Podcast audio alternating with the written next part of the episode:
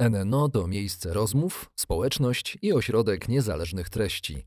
Do rozmów, dyskusji i debat prowadzonych w NNO zapraszamy przedstawicielki i przedstawicieli szeroko rozumianej nauki. Filozofów, etyków, psychologów, socjologów, działaczki i działaczy praw człowieka, ekologów oraz liderki liderów biznesu. NNO po stronie odpowiedzialności.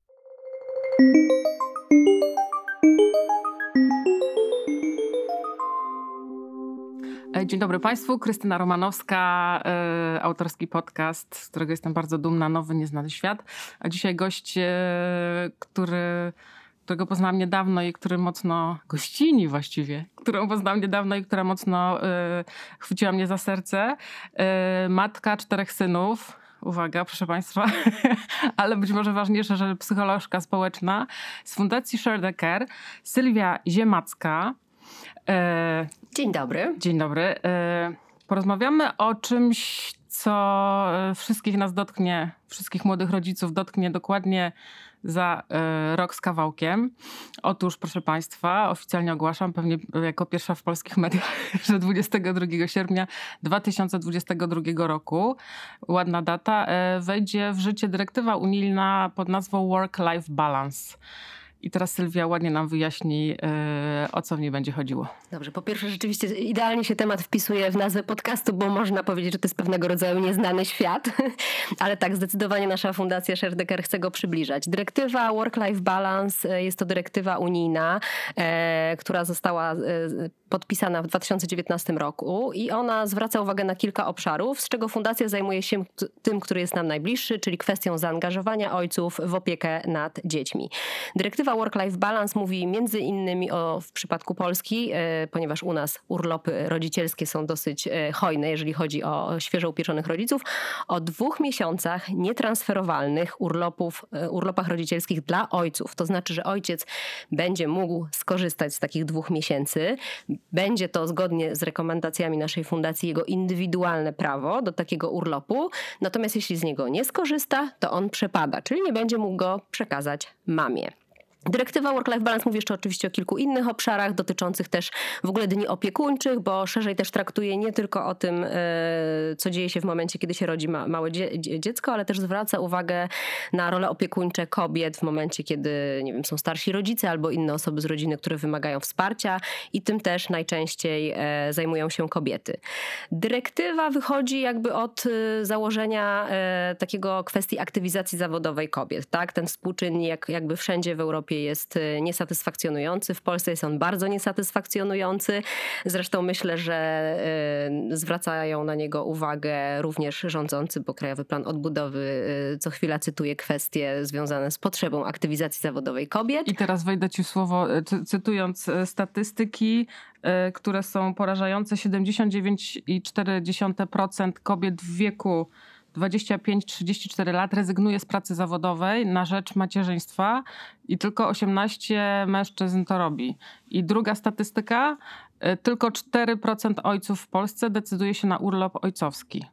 I teraz to jeśli mogę, to bym troszkę tak, skorygowała te dane, e, bo teraz tak, może warto wyjaśnić, bo to jest tak pogmatwane, że my same mhm. się w tym gubimy i wiele osób również.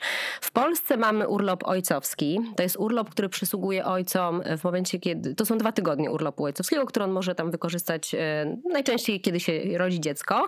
I to jest pełnopłatny urlop, który przysługuje ojcu. Natomiast oprócz tego w Polsce jest 12 miesięcy urlopu, który przysługuje po urodzeniu dziecka. Rodzicielskiego. E, to jest 32 dwa tygodnie rodzicielskiego, y, co jest potocznie i powszechnie rozumiane jako prawo mamy. Tak, czyli właściwie wszędzie w Polsce mówimy, że po, polskie mamy mają 12 miesięcy macierzyńskiego, co jest niezgodne ze stanem faktycznym, bo one tak naprawdę w ramach tych 12 miesięcy jest 32 tygodnie rodzicielskiego i tym urlopem rodzice spokojnie mogą się między sobą dzielić. Natomiast rzeczywiście jest tak, że to mama musi przekazać ojcu prawo do tego zasiłku. Co więcej, w ogóle jest taki paradoks, że ten tata, który z tego wykorzysta, to jest tak naprawdę na zasiłku macierzyńskim. Co jakby samo prawo, no jakby tutaj pokazuje, e, jakie jest miejsce którego z rodziców e, w kwestii opieki nad dzieckiem. I z takiego e, urlopu rodzicielskiego korzysta z danych ZUS-u 1% mężczyzn. I teraz powinna zapaść długa cisza i powinniśmy się zastanowić nad kondycją polskiego ojcostwa, ale oczywiście tego nie zrobimy, bo nie jesteśmy, nie jesteśmy złośliwe. Ale zapytam cię, czy yy, to jest przypadek, czy to jest... Yy czy to nie jest przypadek, że, że dokładnie w tym momencie to, to się dzieje? To znaczy, czy to jest tak, że, że Unia Europejska zrozumiała, że Skandynawow, skandynawscy ojcowie nie wystarczą nam za całą Europę, e, którzy jakby przodują w tych urlopach, choć również nas, nas to nie satysfakcjonuje i że należy jednak e, formalnie zaktywizować ojców do pracy do opieki nad dziećmi? E, znaczy, absolutnie przykłady skandynawskie e, jakby są dobrymi przykładami i te polityki tam wdrażano od wielu, wielu lat, bo to są naprawdę niektóre z tych krajów mają kilkadziesiąt lat już jakby takiej tradycji. I to po prostu rzeczywiście przekłada się na to, jakie są oczekiwania. To znaczy jest większa aktywizacja kobiet, jest większa równość płci w ogóle, tak? To się też przekłada na szereg takich kwestii czysto społecznych, tak? Nie wiem, kwestia y, emerytury kobiet, y, y, w ogóle takiej pewności siebie kobiet, co się przekłada na rynek pracy i ich zarobki, tak? Oczywiście dzisiaj pracodawcy też chętnie mówią o tym, że należy wyrównywać lukę płacową, należy mm, dawać, oferować takie pensje, które są jakby per kompetencje, a nie płeć. Natomiast tak naprawdę, aby rzeczywiście zadbać o taką równość na rynku pracy, w ocenie fundacji, no trzeba również wesprzeć rodziców w kontekście tej równości w domu, tak? Właściwie tak naprawdę to jest trochę nierozstrzygalne na dzień dzisiejszy pytanie, czy równość zaczyna się w domu, czy w pracy, tak? Znaczy, no tutaj też y, wszelkie opracowania wskazują bardzo jasno, że y, kwestie korzystania z tych urlopów rodzicielskich są jasno powiązane z kwestią e, zawodową i kwestią e, zamożności jakby tak rodziny, zasobów finansowych, kto więcej zarabia. I w momencie, kiedy mówimy o wykorzystywaniu rocznego urlopu rodzicielskiego, który jest płatny, jeśli bierzemy go przez cały rok 80%, jeśli tam pół roku i potem kolejne pół roku, no to najpierw 100%, potem 60%, no to jednak y, utrata 20% z wyższej pensji no jest zawsze bardziej dotkliwa dla, e, dla gospodarstwa domowego niż utrata 20% z niższej pensji. Więc jakby rzeczywiście my jako fundacja e, prowadziliśmy takie badania, z, zrobiła to dla nas agencja IQS, taki Family Power Panel, który był dedykowany tym obszarom i rzeczywiście z nich wyszło, że dlaczego, na pytanie, dlaczego nie skorzystały z urlopu rodzicielskiego, e, trzy główne odpowiedzi to było, to jest niemile widziane przez mojego pracodawcę, nie było nas na to stać, e, nie miałbym dokąd wracać. Ale też pojawiła się pozycja, bo żona mi go nie chciała przekazać. No właśnie, ale najpierw zajmiemy się e, niemile pozycją pierwszą, niemile widziany, e, widziane przez pracodawcę. Ja w rozmowie z tobą w zeszłym tygodniu zarysowałyśmy sobie taki idealny plan, jak to będzie wyglądało za, za rok, że, e, że kobieta jest w ciąży i do HR-ów przychodzi mężczyzna i, z, prac- i z, z, jakby z przedstawicielem pracodawcy rozmawiają o tym, że on się decyduje na wzięcie urlopu zgodnie z nowymi dyrektywami Work-Life Balance. I jest to wizja idealna, aczkolwiek ta wizja załatwia bardzo dużo. Po pierwsze, załatwia to, że nagle. Yy, no, no jest, jest równość. Znaczy jest tak, że jest ojciec, jest mama i że oni jakby są traktowani jako pra przez pracodawcę równo, jako równouprawnieni rodzice. To jest moim zdaniem rewolucyjne. Znaczy, jeżeli tak, właściwą tak, stronę, jeżeli tak się stanie, to będzie to rewolucja, bo spadnie w końcu z matek odium tego, że, że to one zawsze mają kłopoty, że to one zawsze są karane za macierzyństwo. I jest taki termin, kara jest, za macierzyństwo. Dokładnie, dokładnie, jest właśnie taki termin. Na ile realna jest ta moja, nasza idealna wizja?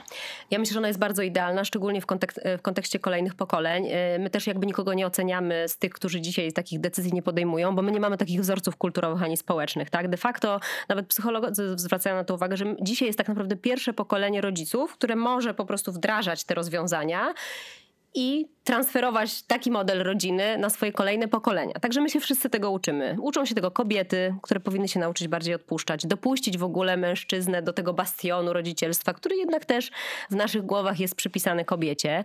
E, powinni jakby mężczyźni poczuć taką potrzebę i też widzieć korzyści, szerokie korzyści z tego związane, bo to się przekłada zarówno na ich relacje z dzieckiem, ale też na relacje z, z żoną, także ta trwałość związków, e, która dzisiaj jest tak ważna, e, to naprawdę jakby to się jedno na drugie przekłada.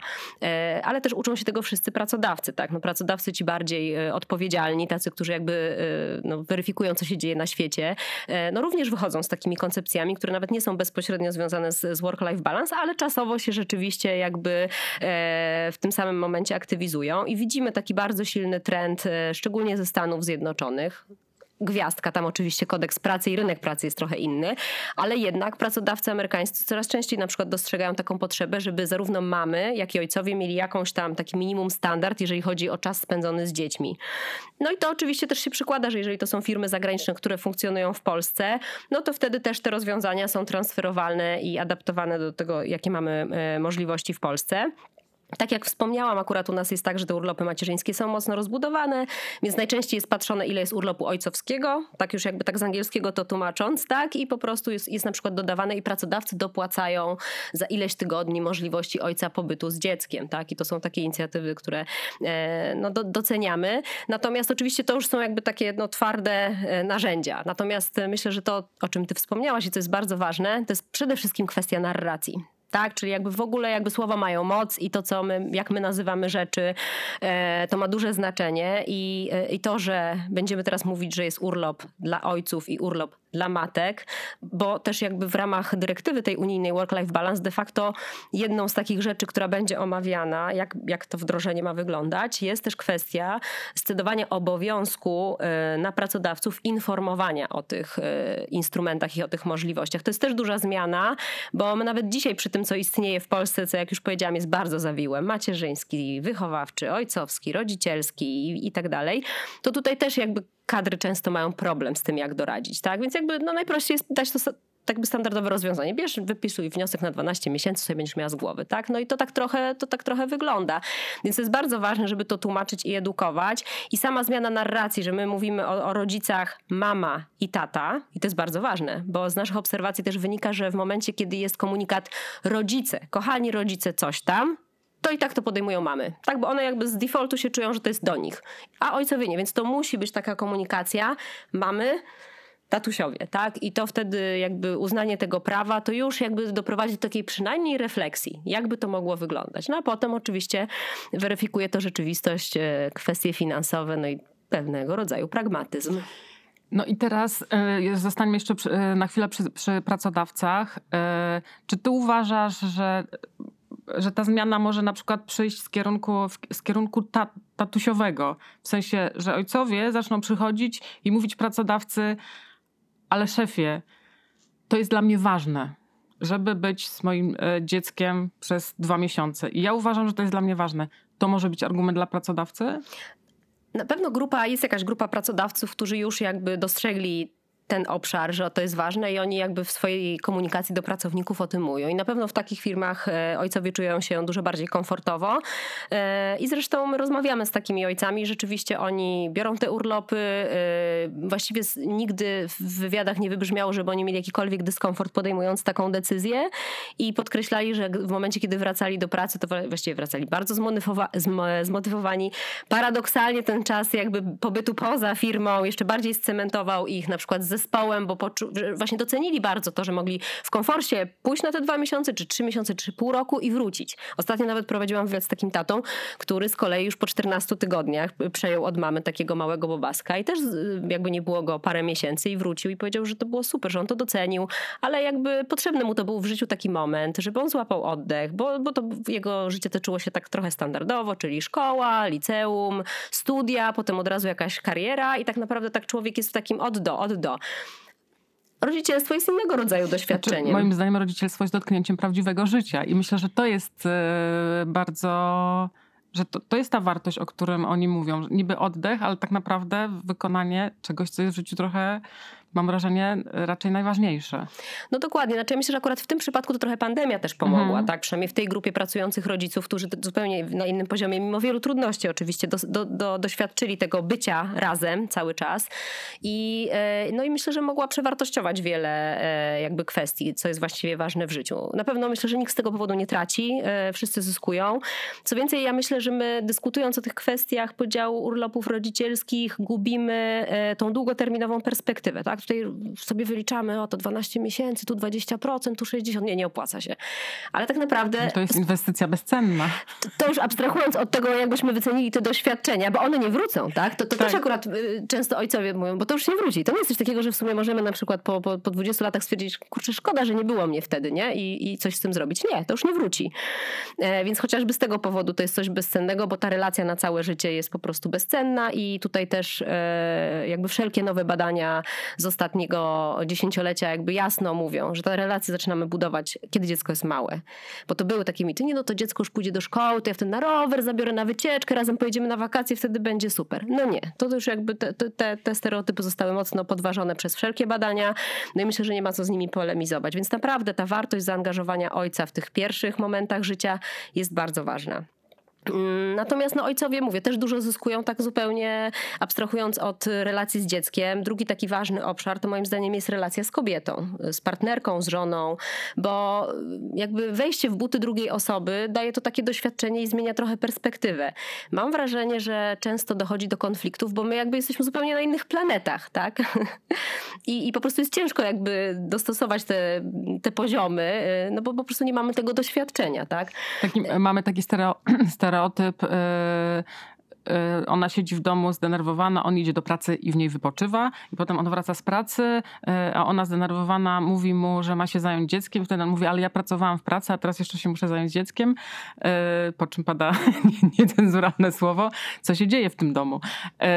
A to w ogóle nie jest tak. Znaczy i, i chciałam cię zapytać o to, co, o to, co powiedziałaś w, wcześniej, o to, że kobiety powinny odpuścić. Moim zdaniem jest to, drogie panie i panowie, klucz tak naprawdę do sukcesu. To jest taka, to jest taka y, to, co, o czym powiedziałaś, taki, ten niewidzialny świat naszego macierzyństwa, który daje nam oprócz zmęczenia i totalnego wyczerpania również pewne, pewne korzyści społeczne, całkiem nieuświadomione, z których e, czerpiemy jakieś profity i tak nie do końca chcemy oddać tą macierzyńską władzę w ręce mężczyzn. Jak to zrobić?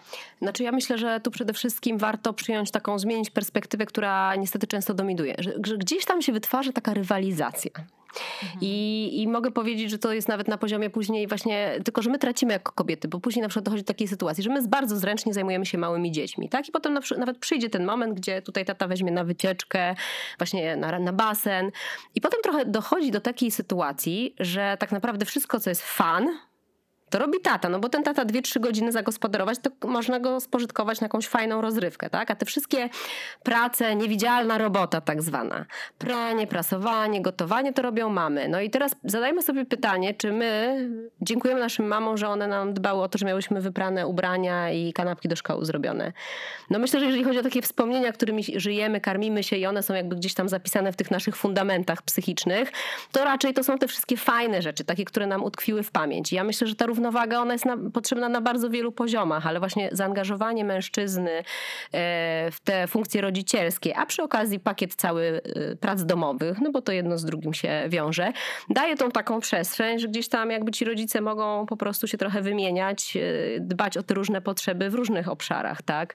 I zresztą w wywiadach, które my przeprowadzamy z ojcami, oni naprawdę bardzo mocno doceniają kwestię tego, E, właśnie, że jakby lepiej poznali świat żony, która siedzi z dzieckiem w domu, dokładnie już wiedzą, co to znaczy siedzieć z dzieckiem w domu, no i jakby zupełnie inaczej to doceniają. I zresztą ja myślę, że to jakby przekładając to na język bardzo poważnych e, tutaj doniesień naukowych, no to za co e, Kahneman dostał Nobla?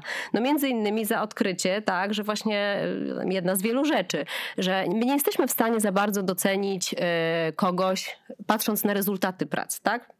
Podam przykład. Jeżeli umyliśmy okna i ktoś wchodzi do domu i widzi umyte okna, no to po prostu te okna są umyte, tak? No po prostu są umyte i koniec, kropka. Natomiast gdyby ktoś siedział i obserwował, jak my tam przez te 6 godzin, czy 5, czy 4 szorujemy te okna, no to powiedział, kurczę, co to był za olbrzymi wysiłek, tak?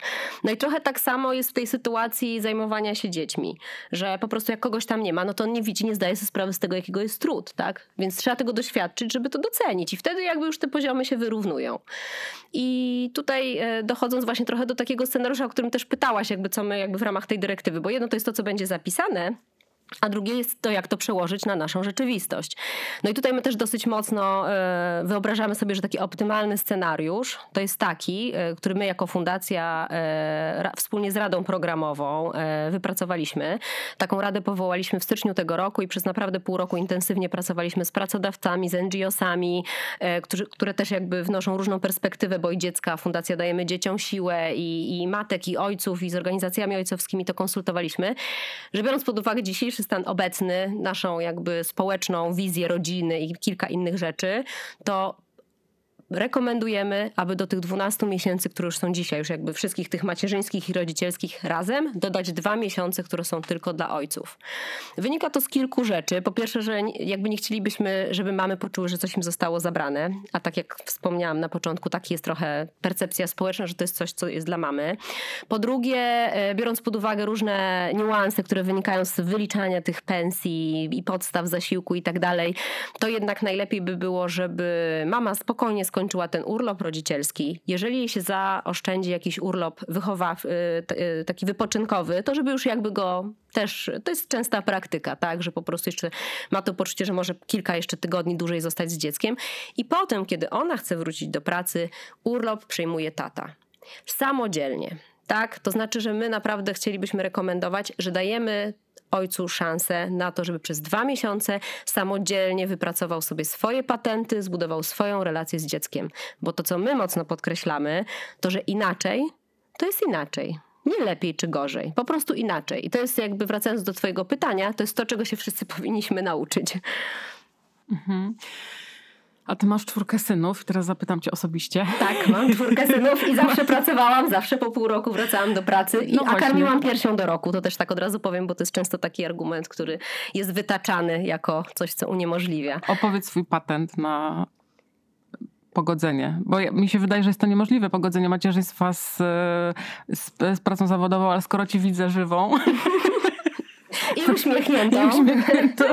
To być może to jest... No, e, patent jest właśnie taki, że, że mam męża, z którym się rzeczywiście dzielimy. Mhm. Nie mam absolutnie poczucia, że, że jakby cała odpowiedzialność za wychowanie dzieci i zajmowanie się domem spoczywa na moich barkach.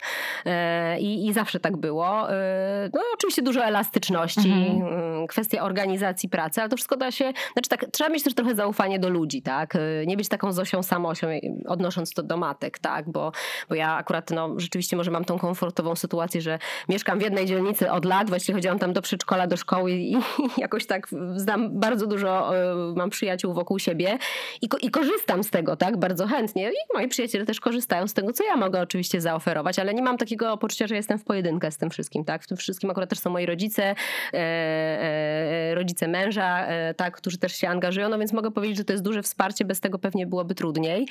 Mm, no ale to jest wszystko kwestia jakby no, patrzenia na tą rzeczywistość, zdania sobie sprawy, że są różne etapy życia, bo te, dzieci rosną, tak? To nie jest tak, że to dziecko po prostu będzie wymagało takiej naszej morderczej pracy od rana do wieczora 24 godziny na dobę non-stop. No to po jakimś czasie mija, tak?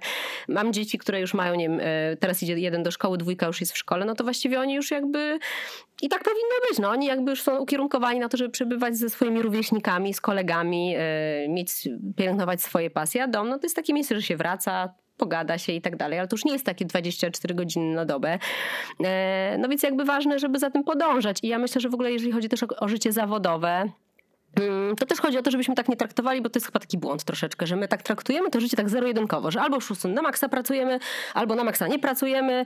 E, I to chyba właśnie były jakieś badania, których nie pamiętam, kto je niedawno e, opublikował, ale w ogóle było wskazywane, że jeżeli chodzi o rynek pracy w Polsce, to w ogóle na skalę e, Unii Europejskiej to jest jeden z takich bardziej ekstrakcyjnych. To znaczy, że mamy takie kariery, takie skumulowane, to po prostu wszystko jest takie, to chyba po amerykańsku się nazywa binge working, że tak pchamy, pchamy, a potem po prostu już opadamy z sił i lubimy wcześniej przejść na emeryturę i tak dalej. Y, w Europie Zachodniej, w wielu innych krajach y, po prostu tak nie jest. Ludzie nawet chcą pracować, bo to nie trzeba od razu na cały etat, nie trzeba po prostu po 12 godzin dziennie. No trzeba sobie po prostu też odpowiedzieć na pytanie, kiedy odpuścić, w których momentach i też to jasno komunikować, tak? Więc, y, więc ja myślę, że no po prostu trzeba mieć trochę więcej autorefleksji no i po prostu też dostosować tą rzeczywistość do, do własnych możliwości i potrzeb, tak? No i tyle, tak to chyba bym tak od siebie powiedziała. A co byś powiedziała, jakbyś przekonała pracodawcę, że to jest dla nich e, korzystne? To, że dyrektor działu marketingu idzie właśnie w środku ważnego projektu, przyszedł do szefa i powiedział, że chce iść na dwumiesięczny urlop. No i to jest takie w sumie bardziej filozoficzne pytanie, bo to jest też tak, że jakby widzimy, że takie partnerskie modele e, biznesowe, kiedy ta, ta relacja między pra, pracodawcą a pracownikiem jest taka bardziej po prostu partnerska, a nie ta hierarchiczna, która akurat w Polsce miała się dobrze, ale już pandemia to zdaje się zmienia też mocno.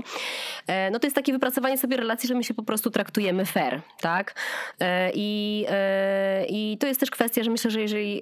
Teraz właśnie robiłam wywiad z takim tatą, który powiedział, że on poczuł się... Kodeks pracy mówi o tym, że, że należy należy poinformować, na 21 dni się składa wniosek o rodzicielski. A on uznał, że fair będzie jak powie 3 miesiące wcześniej, bo już, to było ich drugie dziecko i przy, z żoną byli dogadani, że, że on rzeczywiście to weźmie. No i on poinformował, Zrobili mu super pożegnalną imprezę, tak? On potem jakby, kiedy wracał, to go bardzo dobrze przygotowali do tego powrotu, żeby się nie czuł jakby lądował na jakiejś obcej planecie. I to było ok, natomiast on wrócił e, z jakąś taką perspektywą świeżości, e, bardzo zmotywowany, no bo umówmy się, że doświadczenie e, rodzicielstwa jest innego rodzaju doświadczenie. Natomiast ja osobiście uważam, że jednak po to człowiek ma dwie nogi, powinien jednak stać na dwóch nogach. Takie totalne przekierowanie jakby wszystkiego na jedno, gdzieś tam w pewnym momencie życia się po prostu odzywa, tak? I to bardzo dobrze widać zresztą po kobietach, które na przykład decydują się na zostanie w domu. Mam osobiste wrażenie, że y, wiele z nich podejmuje taką decyzję bardziej pod ciężarem pewnych oczekiwań społecznych, niż dlatego, że one rzeczywiście tak czują. I to teraz już zaczyna się taki trochę trend, że już kobiety zaczynają głośno z tym mówić, że z tym macierzyństwem to, to nie jest ta taka piękna bajka, jak, jak się pokazuje, że tam są różne odcienie tego macierzyństwa i różne doświadczenia, ale to jest bardzo nowe.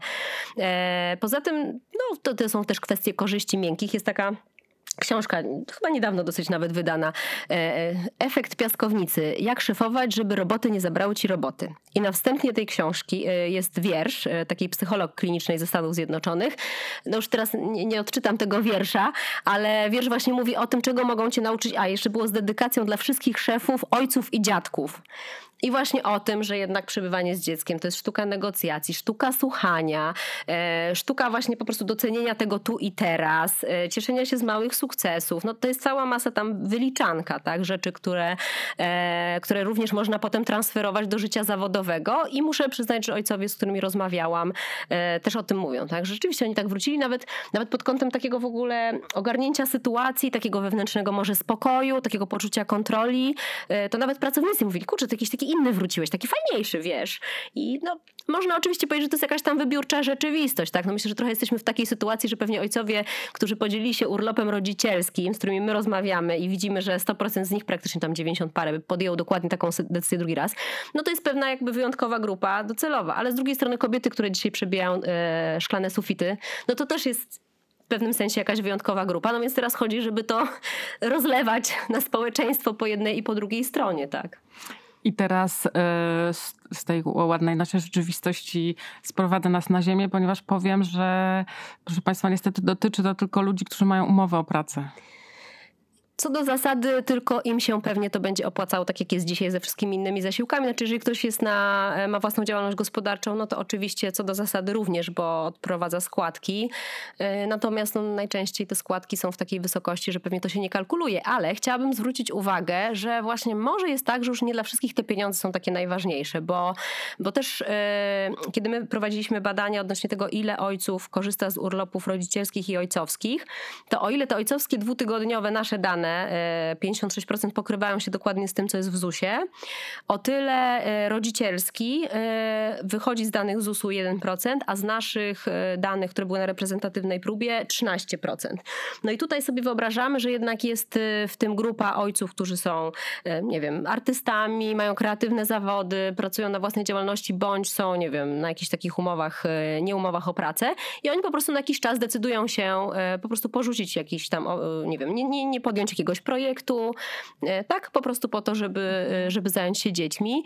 I tutaj też myślę, że to się będzie mocno zmieniało w kolejnych pokoleniach, bo myślę, że już młodsze pokolenie, które dopiero teraz ma dzieci albo za chwilę będzie miało dzieci, oni do tej równości podchodzą już zupełnie inaczej. Znaczy to jest naprawdę duża nadzieja i duża szansa na to, że te zmiany będą postępować dużo szybciej niż nam się wydaje. Właśnie chciałam zapytać, w czym pokładasz nadzieję? W tym pokładasz tak, nadzieję. Tak, zdecydowanie w tym podejściu, bo, bo jakby oni to w badaniach wychodziło, tak, że jakby y, najbardziej oczywiście na te zmiany są otwarci mieszkańcy dużych miast, e, lepiej wykształceni, no i młoda grupa tutaj dominowała, czyli 25-34 lata to była ta. Mm, I oni widzą, oni też jakby na, na, poziomie szczegółowych pytań, oni widzieli, że, oni, że to jest nie fair, że się kobiet za to nie docenia. E, oni dostrzegają to, że kobiety, mamy mogą mieć w pracy gorzej i tak dalej, i tak dalej. Więc jakby, no myślę, że to jest tak, zdecydowanie e, optymistyczne. Czyli co, nadzieja w młodych, e, a ja rozmawiałam w podcaście Nowy Nieznany Świat o bliskiej bliskiej przyszłości o e, dyrektywie Work-Life Balance, która wejdzie w życie 22 sierpnia 2022 roku. Gościem byłaś Sylwia Ziemacka, psycholożka kliniczna z Fundacji Sherdecker. Bardzo dziękuję. Dziękuję bardzo.